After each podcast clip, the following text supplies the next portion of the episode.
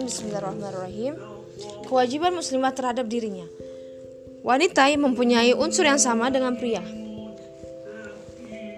Terdiri atas tubuh, akal, dan roh. Ketiga unsur ini mempunyai hak yang harus dipenuhi, yaitu perawatan tubuh atau fisik, muslimah dituntut menjadi sosok berpengaruh yang jelas di dalam rumahnya, baik saat dia berstatus sebagai ibu, anak perempuan, dan saudara perempuan. Semestinya dia memiliki ciri khas yang membedakannya dengan yang lain dari segi akhlak agama, dan penampilan. Maka dia harus memperhatikan penampilan fisiknya di antaranya dengan menjaga pola makanan dan minumnya sebagaimana yang tersirat di dalam firman Allah wa kulu washrabu wa la tusrifu innahu la tuhibbul musrifin makan dan minum makan dan minumlah dan janganlah berlebihan sesungguhnya Allah tidak menyukai orang-orang yang berlebihan Surat Al-A'raf ayat 31. Rasulullah Shallallahu alaihi wasallam bersabda tidak ada tempat yang diisi anak Adam yang lebih berbahaya daripada rongga perutnya. Namun jika memang dia harus melakukannya maka istilah sepertiga untuk makanan, sepertiga untuk minum, minuman dan sepertiga untuk udara. Hadis Raya Tirmizi. Tet agar tetap sehat dan gemuk dan tidak gemuk, seorang muslimah juga harus berolahraga dengan olahraga yang disenangi dan yang layak baginya. Hingga di, dia juga harus memper, memperhatikan kebersihan dirinya dengan mandi dan menjaga kebersihan pakaian dan rambut. Rasulullah Wasallam menganjurkan umatnya untuk melakukan hal itu. Rasulullah bersabda di dalam hadis Rasulullah Shallallahu Alaihi Wasallam bersabda di dalam hadis yang meriwayatkan Abu Hurairah radhiyallahu anhum wajib bagi setiap muslim untuk mandi minimal satu kali dalam seminggu. Dia bersihkan kepala dan sekujur tubuhnya. Hadis riwayat Bukhari dan Muslim. Perintah ini ditujukan untuk umum pria dan wanita, namun wanita lebih memerlukannya daripada kaum pria. Aisyah pun Aisyah pun senantiasa menjaga kebersihan mulut dan gigi Sampai-sampai terdengar bunyi siwak saat dia bermesihkan giginya. Urwah Urwah radhiyallahu anhu berkata, kami mendengar bunyi siwaknya ketika dia membersihkan giginya. Hadis riwayat Ahmad. Rasulullah Shallallahu Alaihi Wasallam bersabda, kalaulah kalaulah bukan karena takut, aku akan memberatkan umatku. Niscaya aku perintahkan mereka untuk bersiwak setiap kali hendak sholat. Hadis riwayat Bukhari wal Muslim. Rasulullah SAW menjelaskan bahwa bau tidak sedap dari, dari mulut juga mengganggu malaikat seperti halnya mengganggu manusia. Barang siapa memakan bawang merah, bawang putih atau bawang waku, maka janganlah dia mendekati tempat kami sholat. Karena malaikat akan terganggu karena baunya sebagaimana terganggunya anak Adam. Hadis riwayat Muslim.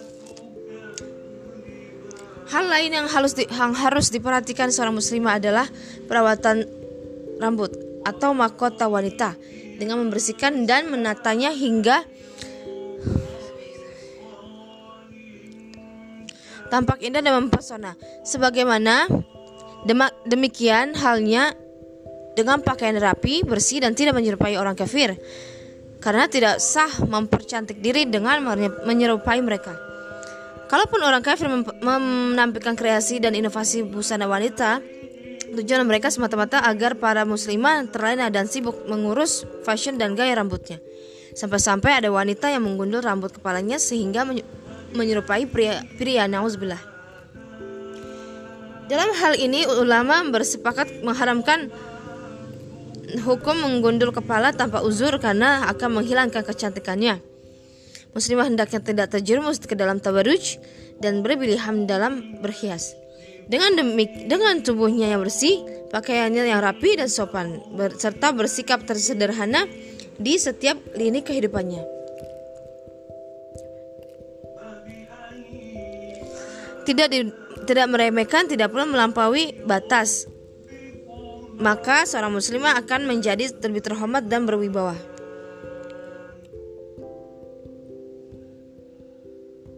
Insya Allah masalah perhiasan wanita dan mus wanita muslimah ini akan dibahas lebih lanjut. Perawatan akal Kebodohan adalah wabah penyakit yang berbahaya dan obatnya adalah ilmu Ilmu yang besar manfaatnya dan banyak keberkahannya adalah ilmu agama. Allah berfirman, Allah Subhanahu wa taala berfirman, "Innama yakhsyallaha min ibadihil ulama." Sesungguhnya yang takut kepada Allah di antara hamba-hambanya dan hanyalah ulama. Surah Fatir ayat 28. Rasulullah SAW bersabda menuntut ilmu itu wajib bagi setiap muslim. Hadis riwayah Ibnu Majah 100 nomor 183. Menurut kesepakatan para ulama, nas-nas yang di atas nas-nas di atas bersifat umum termasuk di dalamnya wanita. Karena karenanya kita melihat Aisyah lebih fakih atau faham dari kebanyakan sahabat laki-laki maupun perempuan. Aisyah juga memuji wanita Ansor dengan kebaikan karena mereka selalu menanyakan berbagai perkara agama mereka dan tidak ada yang menghalangi mereka untuk bertanya. Aisyah radhiyallahu anha berkata tentang mereka, sebaik-baik wanita adalah wanita Ansor, sifat malu tidak menghalangi, mereka untuk bertafakuh fiddin atau menuntut ilmu. Hadis suraya al Hadis suraya Bukhari wal Muslim. Mereka bahkan meminta Rasulullah SAW satu hari khusus karena melihat kaum laki-laki telah mendominasi, waktu beliau. Mereka berkata kepada Rasulullah SAW, jadikan buat kami satu hari untuk belajar ilmu belajar darimu. Laki-laki telah mendominasi, mendominasi, mendominasi engkau. Rasulullah Wasallam berkata, tempat kalian adalah ada di rumah si fulana. Beliau lantas mendatangi mereka di rumah tersebut. Kemudian beliau memberi pelajaran peringatan dan mengajarkan ilmu kepada mereka. Sudah surah uh, hadis riwayat Bukhari.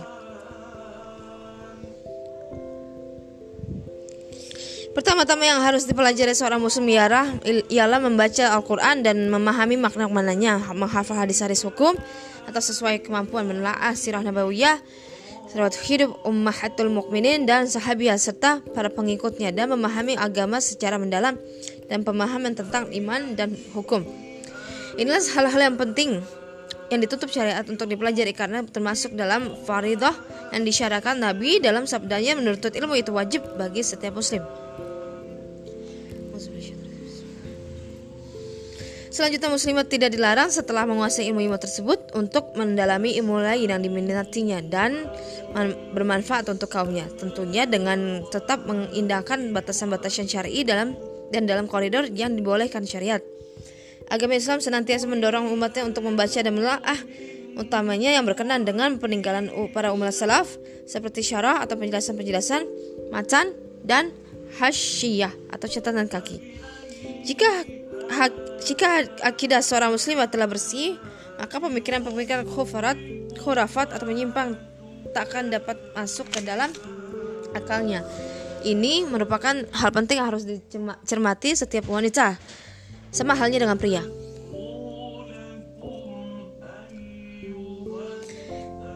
Kemudian perawatan ruh atau spiritual.